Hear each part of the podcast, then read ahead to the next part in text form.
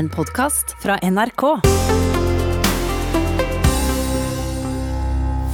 Velkommen tilbake til Debatt i P2. I dag så er det vi i NUPI, Norsk utenrikspolitisk institutt, som har fått lag aktuell samfunnsradio her på kanalen. Mitt navn er Ane Teksemi Sprekken, og i dag er det stormaktene i øst som er tema. Timen før Dagsnytt gikk med til å snakke om Russland, men nå er det en annen stormakt som står for tur, nemlig Kina. Vi har en veldig spennende time foran oss, sammen med NUPI-forskerne Henrik Stålane Him og Morten Skomsrud Andersen, som kommer litt senere, og forfatter og redaktør Sunn Heidi Sæbø.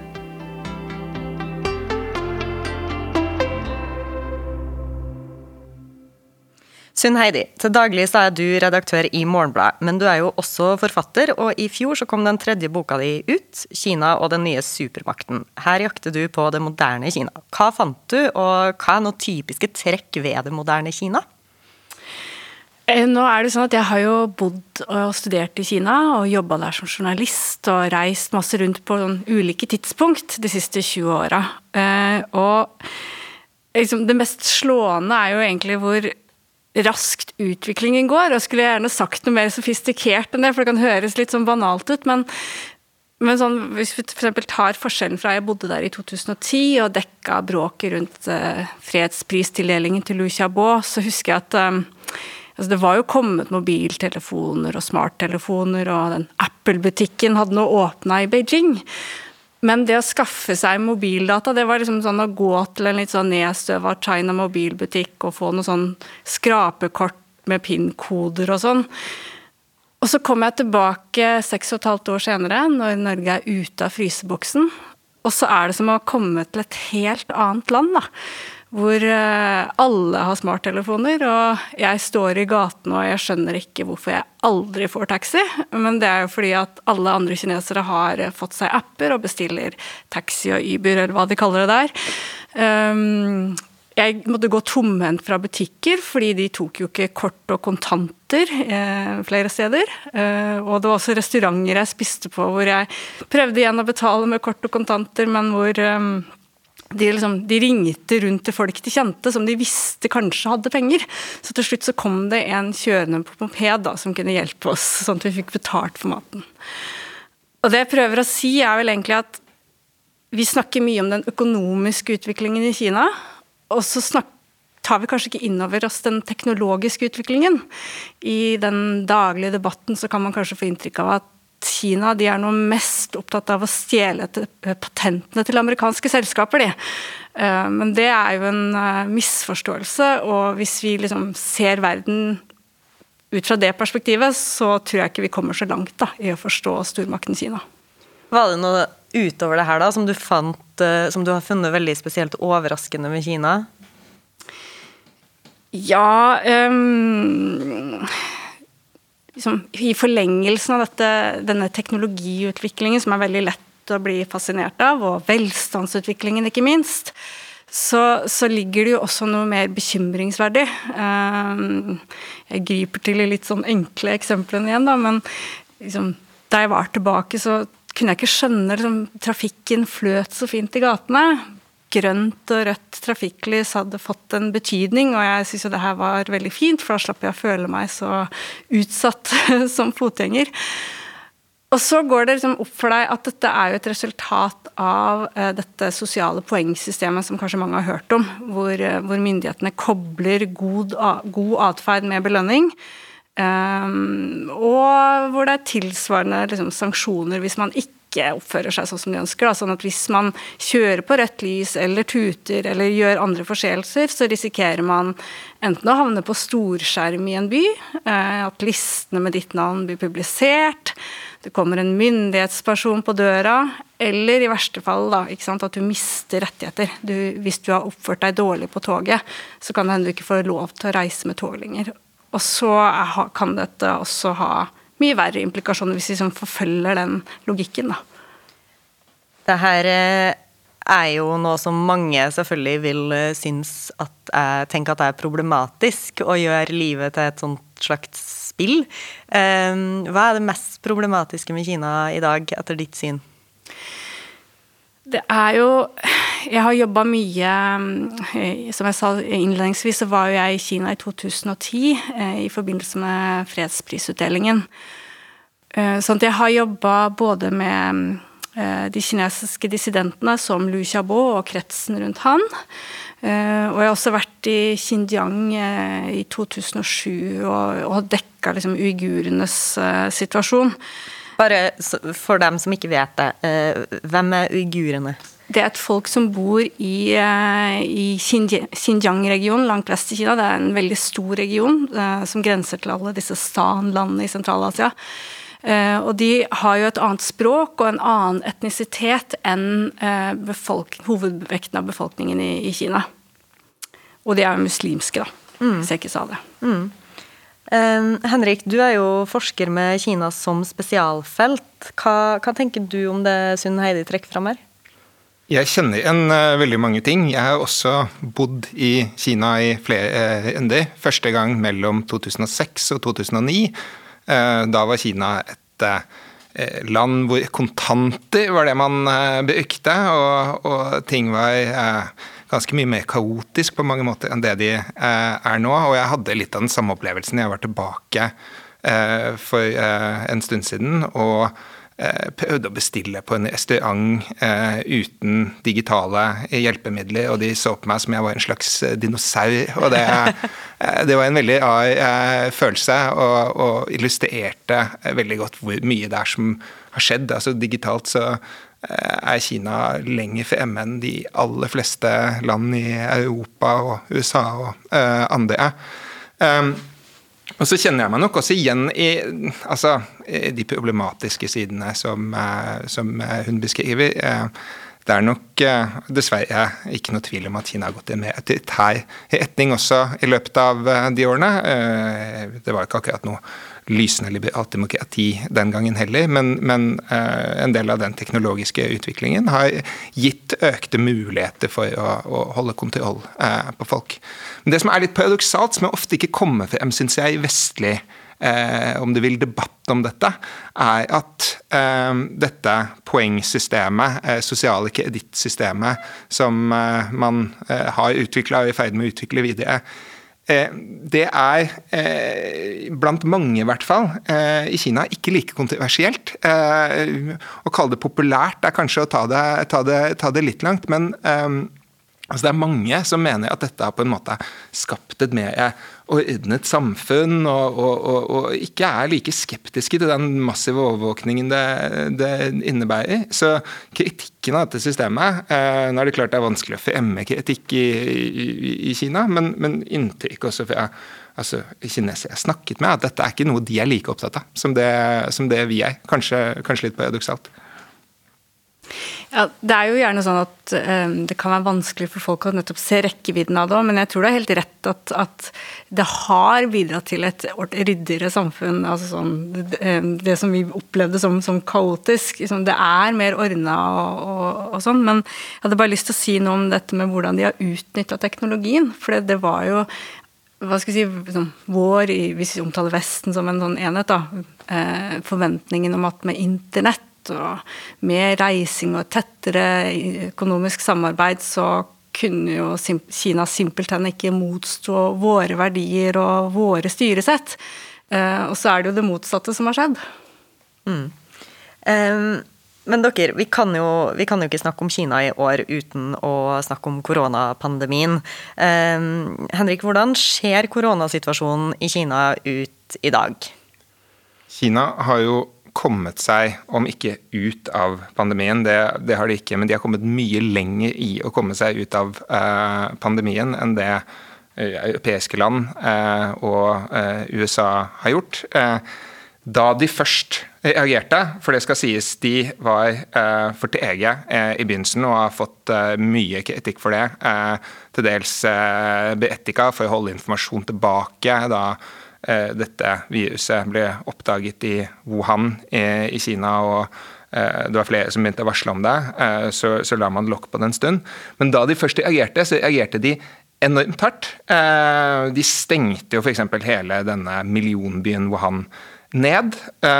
Og den kinesiske strategien for å håndtere korona har vist seg å være ganske effektiv. Hvis man ser på f.eks. Altså, dødsfall per million innbygger, så er Kina, sammen med en rekke andre land i Øst-Asia, Japan, eh, Taiwan eh, og, og, og um, også Korea, eh, Vietnam ikke minst, i en mye bedre situasjon enn det mange andre land er. De har noe sånt som tre, nei, tre dødsfall per millioner innbygger.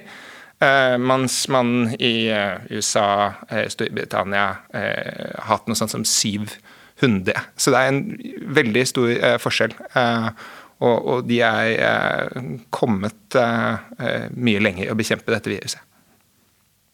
Why do you keep using this? A lot of it people comes say from it's China. racist. It's not racist at all. No, not at all. It comes from China. That's why. It comes from China. I want to be accurate. Yeah, please, John. Ja, eh, Donald Trump har jo vært veldig krass og kalt viruset the China virus. Eh, hva har skjedd med Kinas status internasjonalt etter at det ble kjent at koronapandemien starta her, Henrik?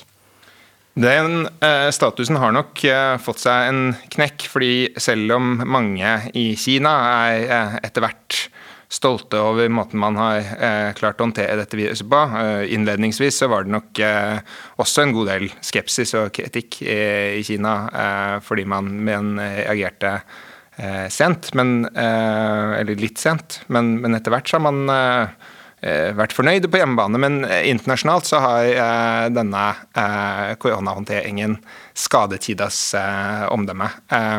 Både pga. dette som vi var inne på med eh, at vi holdt tilbake eh, en del informasjon i begynnelsen av dette virusutbruddet.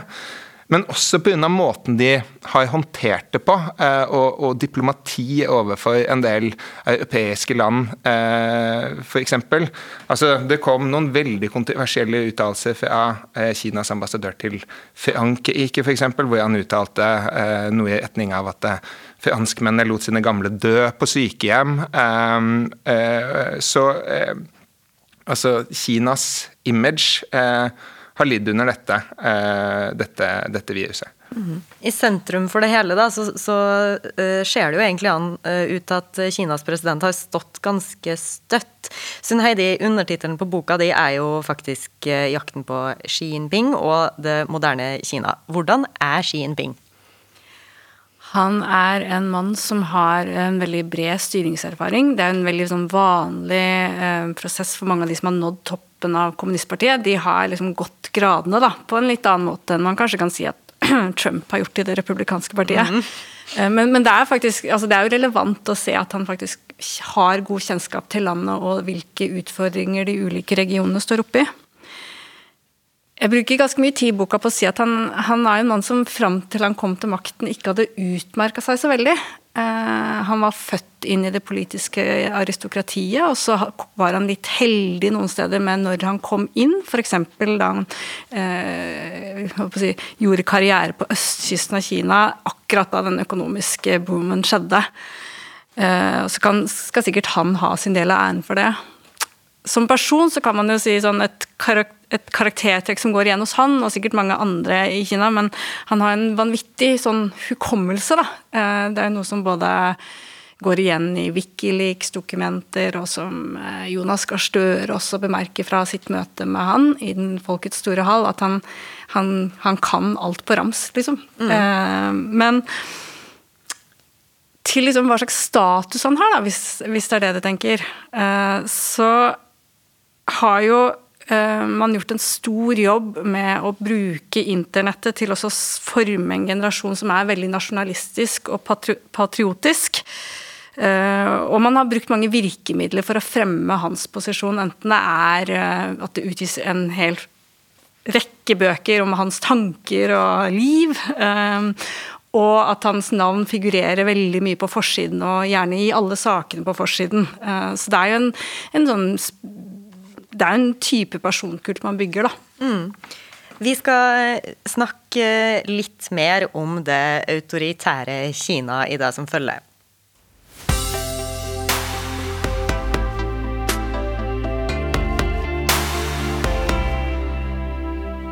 For Kina har jo fått eh, mye kritikk for sitt styresett, eh, kanskje særlig de siste årene. Og for ordens skyld så kan jeg jo si at eh, vi har ingen representanter for kinesiske myndigheter her i dag for å kommentere det. Men sånn som du ser det, Sunn Heidi, i ditt arbeid med Kina, hva har du reagert hardest på, sterkest på? Jeg ser det jo Jeg er jo ikke som her i kraft av å være noe statsviter eller noe sånt. Jeg er her i kraft av at jeg har jobba som journalist, og da kommer man ofte veldig sånn tett på folk. Sånn at det, det å ha intervjua um, disse dissidentene fra husarrest um,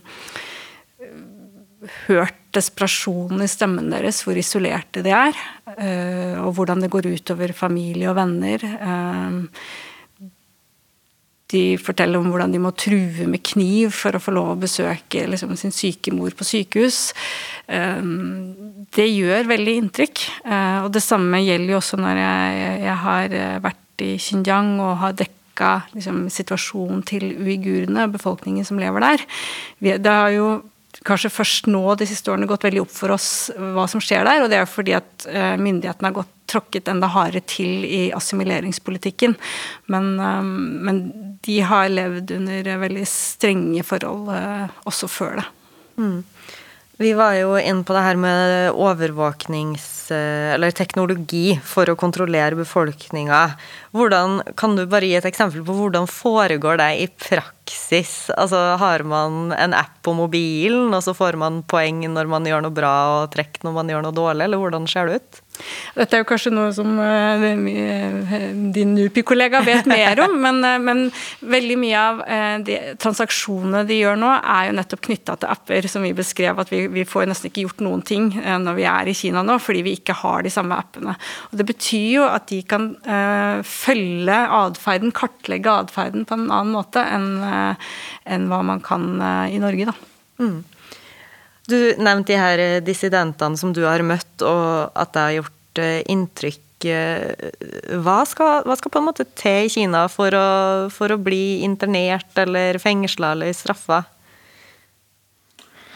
Altså, eh, hvis man eh, opponerer mot eh, systemet, politiske myndigheter, da er veien kort til at man, at man blir dissident. Og så har det nok vært en tendens de siste årene at uh, altså hva som slås ned på.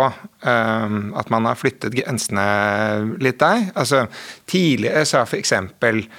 Uh, menneskerettighetsarbeid knyttet til uh, kvinners rettigheter og den type arbeid vært altså, tolerert. Uh, mens nå slår man hardere ned på, særlig hvis det er da vestlig støtta Eh, på en måte arbeid eh, på den type eh, felt også. Så grensene har nok flyttet seg litt det siste tiåret.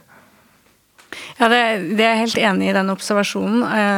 De, altså, fra de tidligere årene jeg har vært der, så har det vært mye NGO-er, og det var veldig fritt frem å snakke med de, og de snakka fritt med oss. Mens nå er det helt annerledes. Jeg opplever ikke at de opererer med samme frihet som før, da.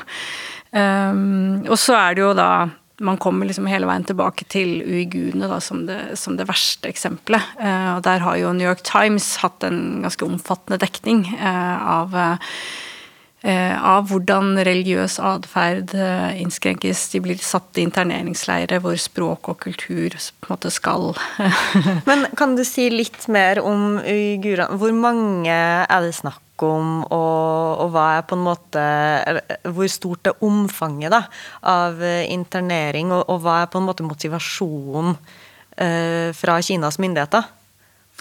Jeg husker ikke akkurat tallet. altså I New York Times så er det opp mot en million som er et tall som figurerer. da. Eh, og så er det jo veldig vanskelig som sagt å vite hvor mange det er snakk om. Eh, og det er jo ikke altså, Ofte når vi snakker om leire, så, så får vi veldig sånn assosiasjoner som kanskje er ja, vet, jeg bare tenker at Det er lurt å ta noen forbehold, for vi, vi, vi, vet jo faktisk ikke helt hva det her er. Men det er jo alvorlig, den frihetsberøvelsen som ligger i det. Uh, og Da jeg var der i 2007, så var det jo allerede sånn at uh, man så hvordan nabolag og gater ble revet. altså med Hvor de hold, uigurene holdt til, med sine markeder og, og sånn. Og så bygde man nye blokker hvor det flyttet inn han-kinesere. Så dette er jo fortsettelsen på det arbeidet med å, å på en måte innlemme Xinjiang ordentlig da, i, i Kina. Mm. Men, men, hvorfor gjør kinesiske myndigheter det her, Henrik? Altså, De ser nok på dette, uh, uten at man skal gå god for det, uh, som en del i, av et uh, antiradikaliserings- og antiterrorarbeid. Nå er det veldig omstridt hvor stort og hvor reelt problemet er knyttet til terrorisme og, og, og Eh, terroraksjoner i realiteten har vært eh, i Xinjiang, men det er i hvert fall en av de sentrale eh, begrunnelsene for den harde politikken som har vært, har vært ført i Xinjiang de siste årene. Mm. Er det noe utsikter til bedring i hva skal jeg si, det autoritære Kina? Og bedring så mener jo vi mindre autoritært. Nei, det tror jeg ikke vi skal håpe på, egentlig. Uh, Xi Jinping har eh, samla veldig mye makt på sine hender. Og så tenker jeg at noe av forskjellen er at vi vet jo ikke hvor mye det er en taktikk fra partiet at han skal uh, fronte partiet utad. og at det var jo en periode hvor partiet ble beskyldt for å bare bestå av ansiktsløse byråkrater. At det kanskje var fornuftig eller et smart trekk at man fikk en, en, sterk mann som han, og at det at man fikk sentralisert mer makt på hans hender, oppretta egne styringsgrupper, var med på å effektivisere en ganske tungrodd institusjon. Det er i hvert fall en mulig tolkning. Men Resultatet er jo uansett at Kina har en veldig sterk leder med vide fullmakter, eh, og at de liksom, stikk i strid med kanskje det vi trodde før de ble innlemmet i Verdens handelsorganisasjon og før internett, så har de funnet en måte å faktisk um, konsolidere sitt eget styresett på. Mm. For det som nettopp har slått på radioen, så kan jeg fortelle at Eh, du hører på Debatt i P2. Denne sendinga er det Norsk utenrikspolitisk institutt, NUPI, som står for i dag. Og temaet denne timen er Kina. Før Dagsnytt så snakka vi om Russland. Vi har med oss Sunn Heidi Sæbø, som kom med bok om Kina og landets president i fjor, og Kina-ekspert Henrik Stålane Him fra NUPI. Til nå så har vi bl.a. snakka om hvem Kinas toppmann Xi Jinping egentlig er, og senere i sendinga så skal vi ta inn en ny gjest og bl.a. snakke om hvordan Kina bygger innflytelse i regionen. Men først, vi må selvfølgelig snakke om Norges forhold til Kina.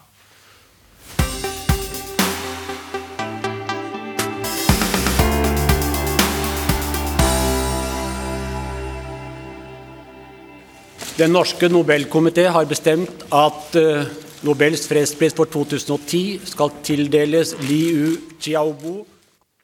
Ja, Forholdet eh, mellom Norge og Kina var jo i fryseboksen i flere år etter at Nobelkomiteen ga regimekritiker Liu Xiaobo fredsprisen, som vi hørte Torbjørn Jagland annonsere her. Henrik, eh, hvorfor ble kineserne så sinte? Jeg tror først du kan si at det, det, var ikke mange som forutså at de kom til å være såpass sinte så lenge. Denne frysen den varte jo i seks eh, år. Eh, og tidligere så hadde på en måte kinesernes modus, om du vil, eh, vært å være sinte i ja, si kanskje et års tid, før man ting gradvis gled over. Men jeg tror noe av årsaken til at dette varte såpass lenge, denne eh, konflikten knytta til fredsprisen og Liu Xiaobo, var at eh, altså, kineserne så dette som en trussel mot det de eh, definerer som kjerneinteresser. Eh, Liu Xiaobo eh, utfordret eh, kommunistpartiets maktmonopol, kanskje det aller viktigste for, for lederne i, i Beijing. Og eh, det er årsaken til at eh, denne situasjonen varte enda lenger enn konflikter knytta til f.eks. besøk fra Dalai Lama eller andre uh, hendelser da, som man hadde hatt i forbindelse med altså, andre vestlige land. Ja, det, Til den boka jeg skrev, så gjorde jeg en del intervjuer med, med sentralt plasserte både politikere og, og, og, diplomater. Og det er helt riktig som du sier at de trodde dette skulle være litt sånn spill for galleriet. Jeg var på de første pressekonferansene etterpå hvor de var rasende, og så tror jeg de trodde at liksom, etter det så skulle det legge seg. Og det som skjedde, var jo i stedet at det kom i bølger og i bølger, og så ble det jo enda verre når Nobelkomiteen etterpå gir fredsprisen til Obama og så til EU. så det ble jo, fornærmelsen ble bare enda større. Men, eh, men, nå er vi altså ut av eh, fryseboksen. Og hvilke prinsipper, om noen, da, har vi måttet kaste over bord for å ikke være i fryseboksen lenger? Ja, jeg vet ikke om det blir riktig å si at vi har kasta prinsipper over bord. Da. Dette er jo den vanskelige balansegangen som jeg kanskje skal være glad for at det ikke er jeg som må få ivareta. Eh, men det er jo ingen tvil om at Kina setter makt bak sine krav, og at de nå har vist en gang for alle hvordan de reagerer hvis de føler at Norge eller andre blir for nærgående og nettopp da eh, angriper deres eh, indre anliggender. Um, så det betyr jo at Norge Jeg registrerer at de sier at de tar opp menneskerettigheter i alle samtaler. Og så er jeg bare usikker på hvordan høres det ut? Og er det det første de tar opp, eller er det det de tar til slutten når møtet egentlig er over, eller ja. Mm. Det, jeg vet ikke om du vet noe om det, Henrik. Er det det første de tar opp? Nei, det skal jeg ikke si at jeg har noe, noe kunnskap om. Men um, vi får nå tro på norske myndigheter når de sier at de i det minste uh, tar det opp. Og så eh, vet jeg ikke om Altså, endringen har vært så stor eh, i, i uh, Altså, etter denne At denne frysen endte.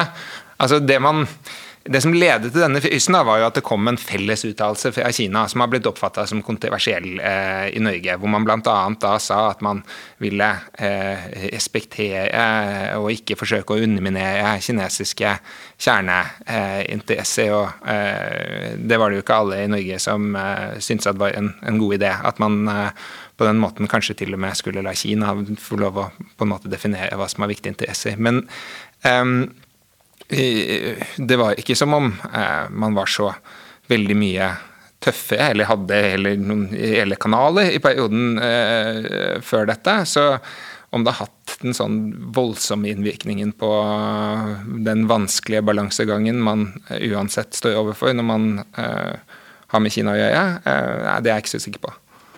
Men eh, Sunn Heidi, tenker du at det har vært eh, for lite Kina-kritikk fra norsk side offentlig etter at vi kom inn i varmen igjen? Hmm. Da er vi litt tilbake til at det er jo eh, ikke jeg som må ivareta den veldig vanskelige balansen. Skal man stå helt utenfor og ikke ha noe kontakt med Kina, eller skal man ha en dialog gående? For det var helt bokstavelig den utfrysningen. Jeg ble fortalt en historie hvor på et sånn internasjonalt toppmøte hvor Jens Stoltenberg hadde gått bort og gitt seg til kjenne til daværende president Hu Jintao og bare virkelig fått en kald skulder. Eh, så man var liksom på det nivået. Um, jeg vet ikke hvor Det er lett å tenke seg at det hadde vært eh, stilig eller fortjenstefullt hvis Norge tok en litt tydeligere linje.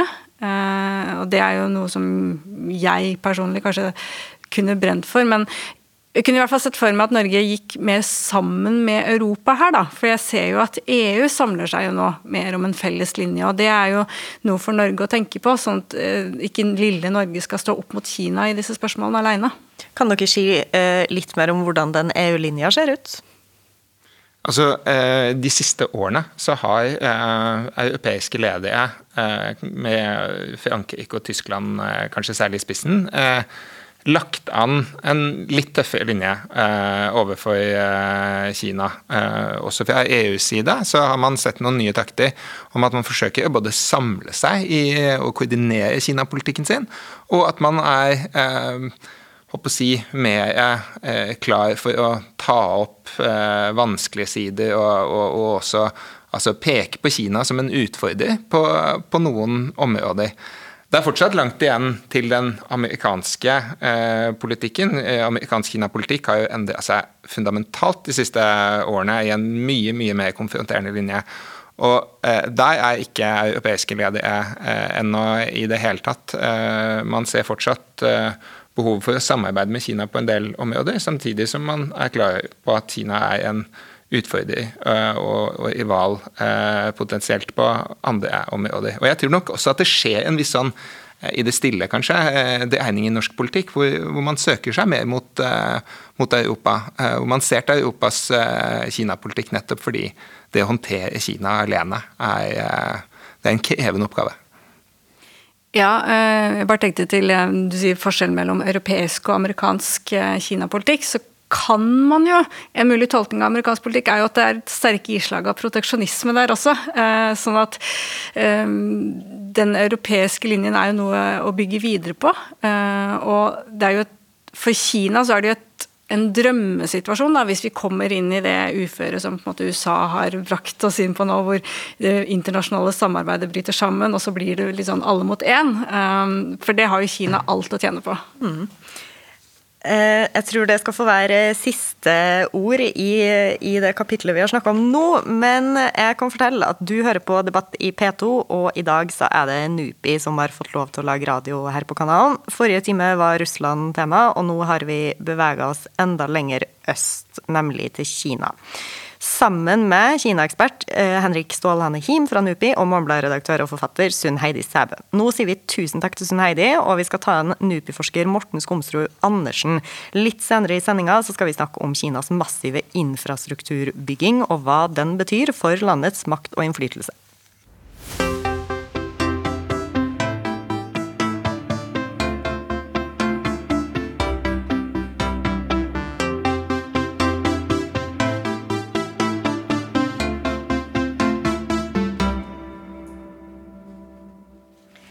Nå må vi snakke litt om sikkerhetspolitikk, og det er jo faktisk det du forsker på, Henrik. Eh, selv om vi hører mest om Nord-Koreas atomvåpen i Asia, så er jo faktisk Kina en av verdens atommakter.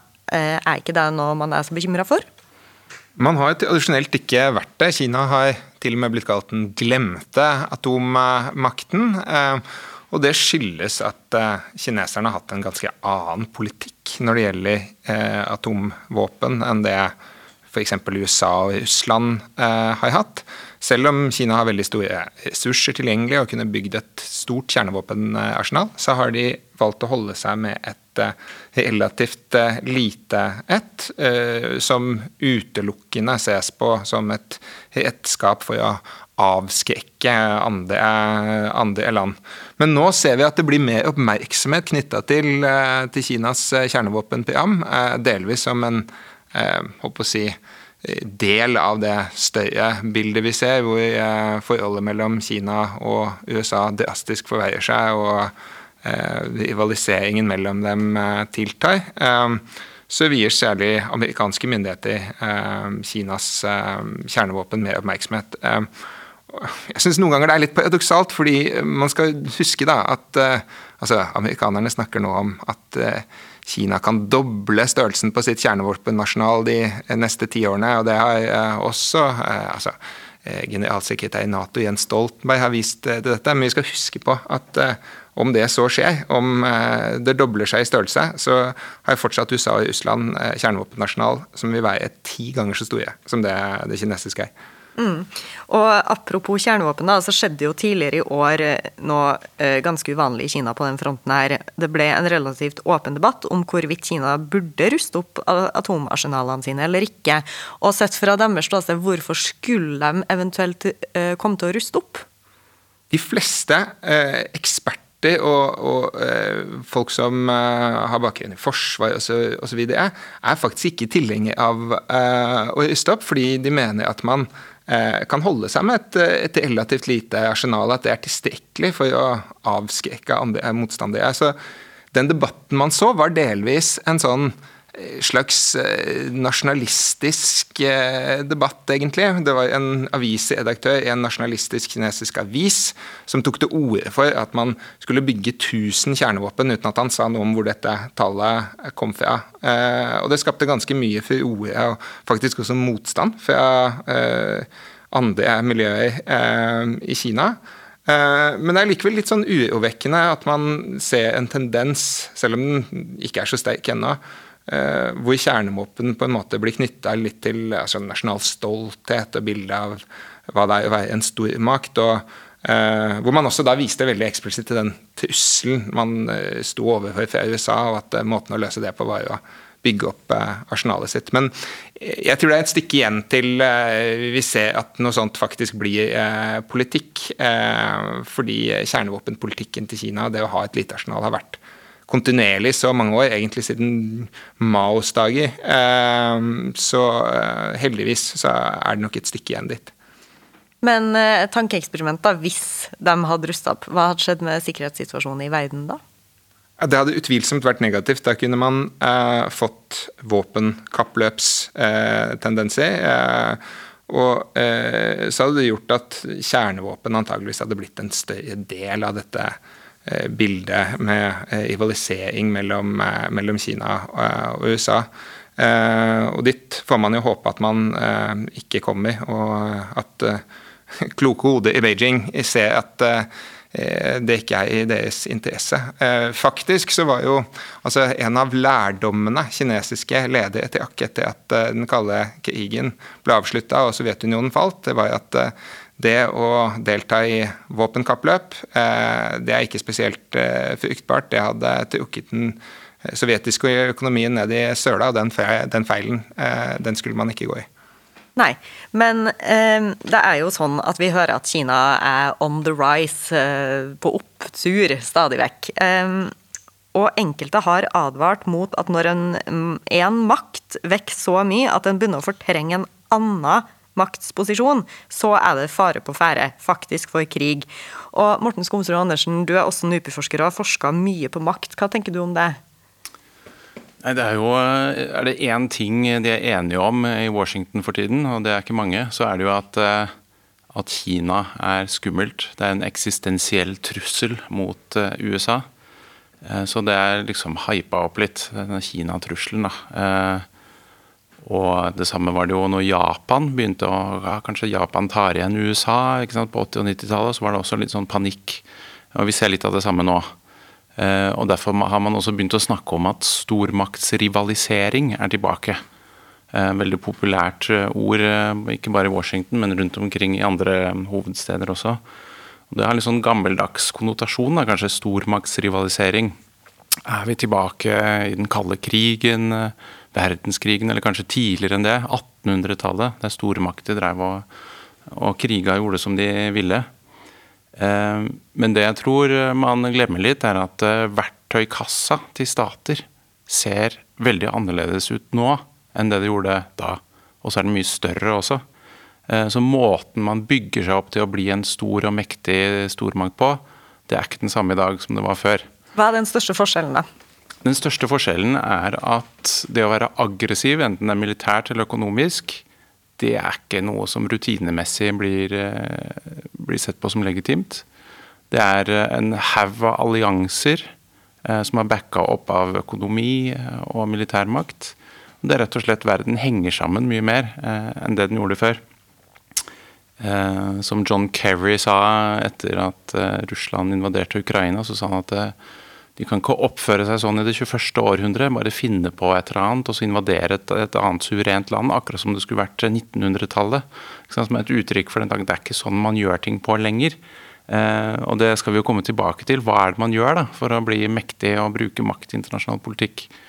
Eh, som ikke er stormaktskrig, liksom. Det er jo bl.a.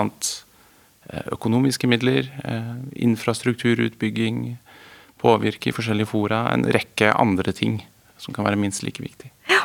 Men uh, apropos ikke følge spillereglene eh, helt, da, så har jo eh, de fire siste årene med Donald Trump eh, gjort ganske mye hva skal vi si, uroa ganske mange statsledere i verden. Har, hvordan har Donald Trump endra forholdet mellom Kina og USA? Nei, altså han, eh, han, har jo gått hardt ut nettopp på de tingene og sagt at Kina er en, en stor trussel, er jo hovedfienden osv. Så, videre. så jeg vet ikke hvor mye han har endra, men han har kanskje akselerert denne panikken litt, da. Eh, mm, men Washington. er det Ja, Henrik? Nei, altså, jeg tror uh, Man har sett under Donald Trump at uh, Kina har blitt pekt ut som rival og, og, og, motstander. Men jeg tror det er en tendens til at man tillegger altfor mye til Donald Trump og hans presidentskap. altså den bevegelsen i retning av å se Kina som en utfordrer, den kom før Donald Trump, og den vil fortsette etter Donald Trump. Eh, som til Morten var litt inne på, så er en av få ting de er enige om i USA, det er eh, nettopp dette at Kina er en, eh, en langsiktig utfordrer, den største langsiktige rivalen man står overfor. Um, så dette er på mange måter strukturelt evete nærmest. Altså. Det kommer ikke til å gi seg når Biden blir president. Nei, så vi kan forvente en like tøff linje egentlig fra Biden som fra Donald Trump da, på Kina? Mot Kina? Det jeg tror jeg er at det, man kommer til å innse på en helt annen måte at det er nødvendig å samarbeide med Kina. Nå er det liksom helt blokade, men eh, når det kommer til klima og ikke minst eh, pandemier, eh, så tror jeg vi vil se en annen tilnærming, i hvert fall etter hvert, til å innse at det er nødvendig å samarbeide med Kina innenfor visse områder. Det er mm. liksom ikke Kina eller ikke Kina, det er forskjellige, forskjellige felt der man kan velge å samarbeide. Men vi er jo alliert, altså Norge er jo alliert med USA. Og så har vi jo, som vi har snakka tidligere om i sendinga ganske nylig, relativt sett, kommet ut av et fryseboksforhold med Kina. Hvordan skal på en måte Norge balansere eh, oppi det her? Hvor havner vi da mellom de to stormaktene her? Potensielt i en skvis mellom USA og eh, Kina. Eh, nå vil Norge, gitt vårt altså tette allianseforhold til eh, USA, eh, i de fleste sammenhenger lande med USA dersom man virkelig blir tvunget til å velge. Men eh, mange europeiske land med Norge har jo nettopp ikke ønsket å alltid måtte velge. Men den skvisen eh, mellom, USA og Kina, den har eh, vært vanskelig for eh, mange europeiske land å håndtere.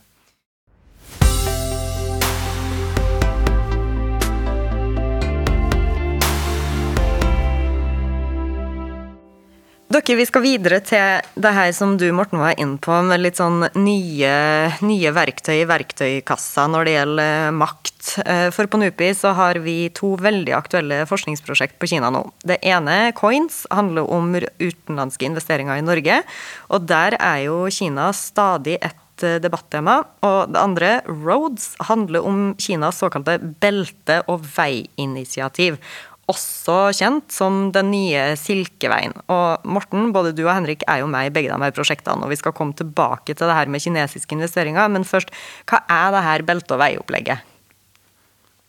Altså, belte- og vei-initiativet, det er eh, signaturprosjektet til Xi Jinping, eh, nærmest. Eh, og det det kort fortalt handler om, da, det er en massiv plan om å bygge infrastruktur i en hel masse land, særlig i Asia, men også utenfor Asia. Eh, egentlig nærmest i hele, hele verden.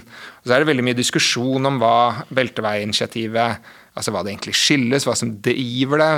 Mange peker på overkapasitet i Kina, og at man trenger å eksportere denne overkapasiteten og bygge andre steder. Eh, mens eh, andre ser det mer som en altså, langsiktig plan, nærmest, for å sikre kinesisk makt og innflytelse. At det i hvert fall er et viktig, viktig element ved, det, ved, denne planen. Over mottakerstatene, da, potensielt. Og det er en av årsakene til at belteveiinitiativet også har blitt ganske kontroversielt. Hvem er de her mottakerstatene? Eller jeg skjønner jo at det er mange, men, men eh, hvem eh, mottar mest? Nei, det er, eh, det er, veldig mange av dem, men det er mange land i Sørøst-Asia f.eks. som har vært mottakerstater, som omfattes av belte- og vei-initiativet, hvor Kina bygger f.eks. jernbaner, hurtigtog, som jo har blitt en, en stor kinesisk eksportartikkel. Eh, men også veier osv. Men, men også land i Afrika er omfattet av eh, initiativet. Eh, det finnes mange infrastrukturprosjekter i Afrika også. Havner har det vært mye diskusjon om. Kina bygger også havner som en del av Silkeveien. Og, og, Silkeveien har jo til og med en polar hva skal du si, delvei. Eh, så, så eh, i denne polar-silkeveien så, så, peker man på behovet for å bygge infrastruktur, bl.a. i Russland. Mm. Men hvorfor gjør de det, Kina? Jeg tror i realiteten at det er flere årsaker som ligger bak. At det ikke bare er én ting. At dette med overkapasitet og, og, og Eh, den type forklaringer har en god del for seg. At man ikke skal se dette bare som et sånt utenrikspolitisk redskap og en mesterplan. Uh, men samtidig så er det uh, høyst reelt at altså, kinesiske infrastrukturprosjekter absolutt kan være et viktig verktøy for å, for å sikre makt og innflytelse. og det er jo bl.a. noe av det vi skal se på da i dette dette Roads-prosjektet. Mm. Men Morten, eh, har vi, altså, hvorfor kan sånne prosjekter bidra til å bygge opp et lands makt i så stor grad i dag?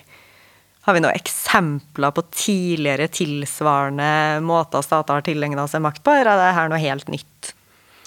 Så økonomisk makt har alltid vært viktig, men uh men det er mer fragmentert, og det skjer på nye måter. Infrastrukturprosjekter er et, et eksempel. Vi har også nye internasjonale organisasjoner som gir ut lån til andre land.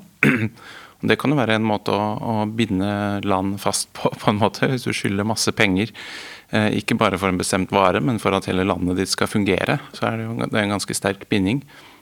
Så det har med å skape relasjoner å gjøre eh, i regionen og rundt omkring i verden. Eh, på nye måter. Eh, så det er både formelle ting eh, og mer uformelle tilknytninger til andre land som er viktig. Har man allerede sett at Kina har skaffa seg Altså har fått makt og innflytelse over enkelte land ut fra det her belte- og veiinitiativet sitt?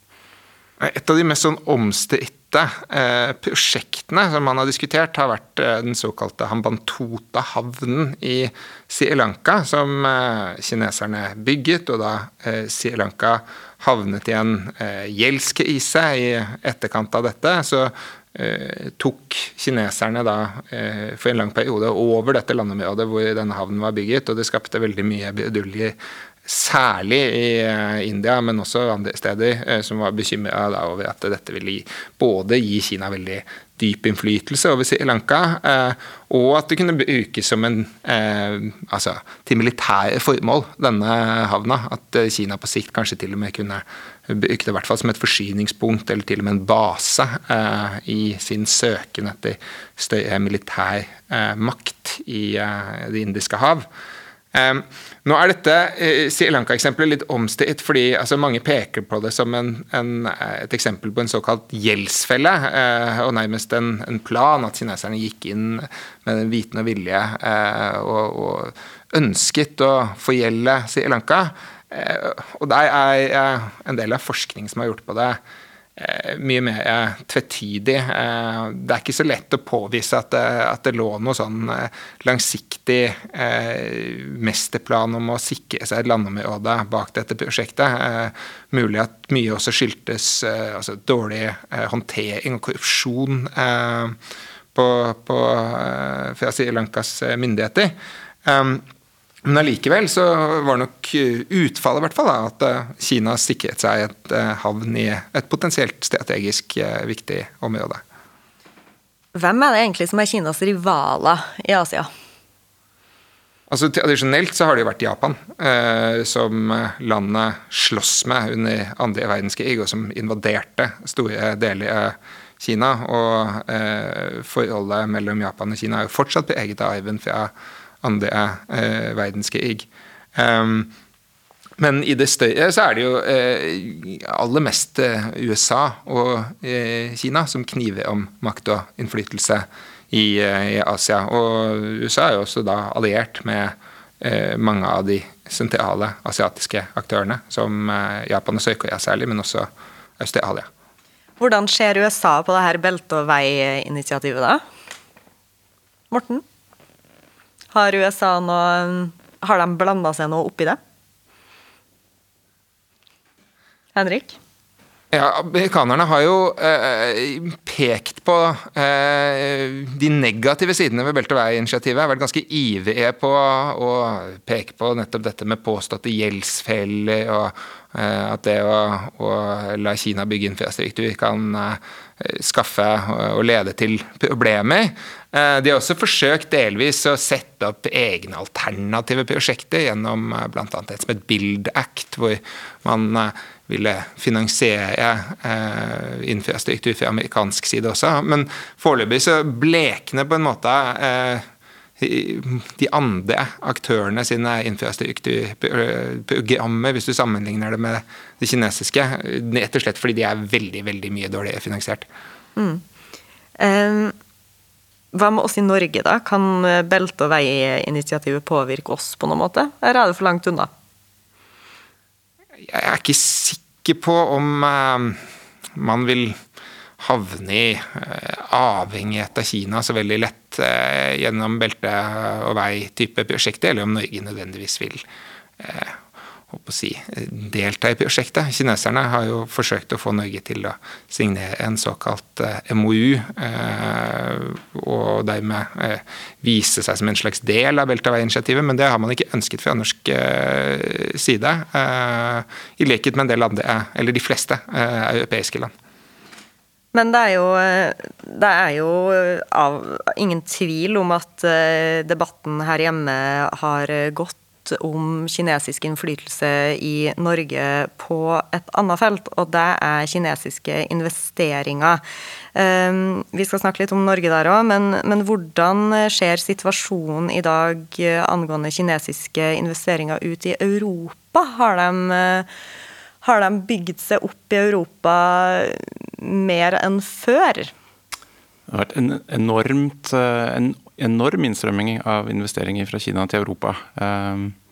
Så fra finanskrisen i 2008 og fram til Ja, det har gått litt ned i det siste, men fram til kanskje toppen da, i 2016, så dobla det seg 50 ganger. Fra 7,5 milliard kroner til 375 milliarder. Altså verdien på investeringene kinesisk, fra kinesiske selskaper. Så det har vært en stor økning. Norden og Norge har også opplevd den, selv om absolutt sett så er ikke tallene så høye. da. Men er det bra at Kina vil investere i Europa og i Norge, da? Generelt så har jo investeringer vært viktig i Norge. Og det er viktig å ha en åpen økonomi. Så hovedfordelene er jo rett og slett at man får penger, for man har ikke spart nok til å investere i ting man tror kan være, være gi gevinst. Da. Så Eksempler fra Norge er jo industrialiseringen eh, tidlig på 1900-tallet.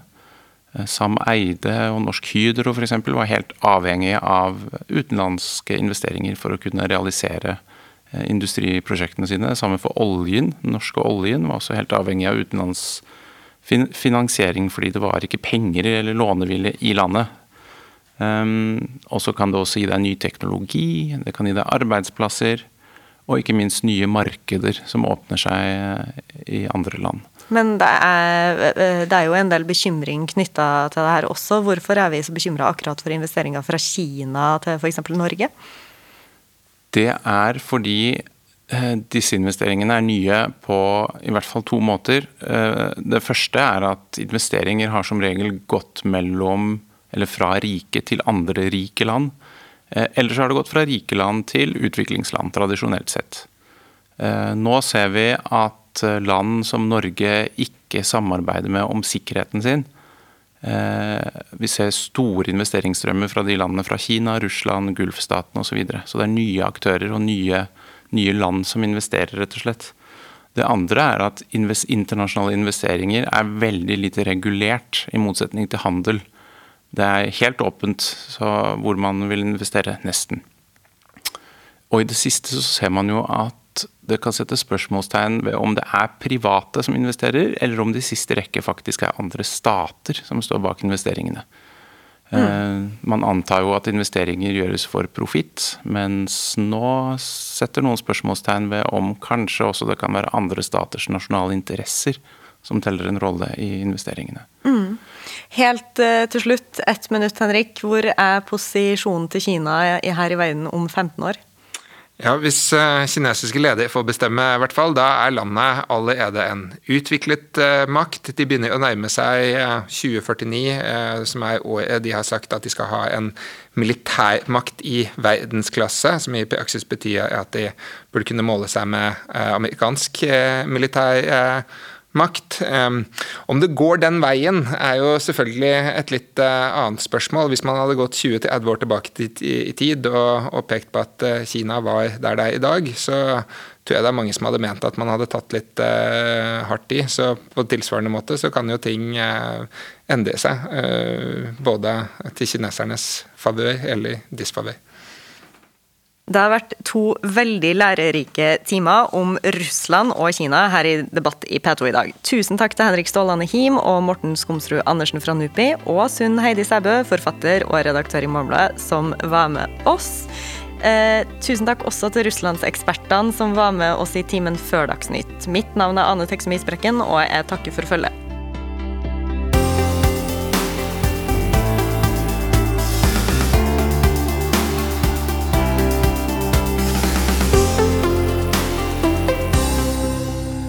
Du har hørt en podkast fra NRK. Hør flere podkaster og din NRK-kanal i appen NRK Radio.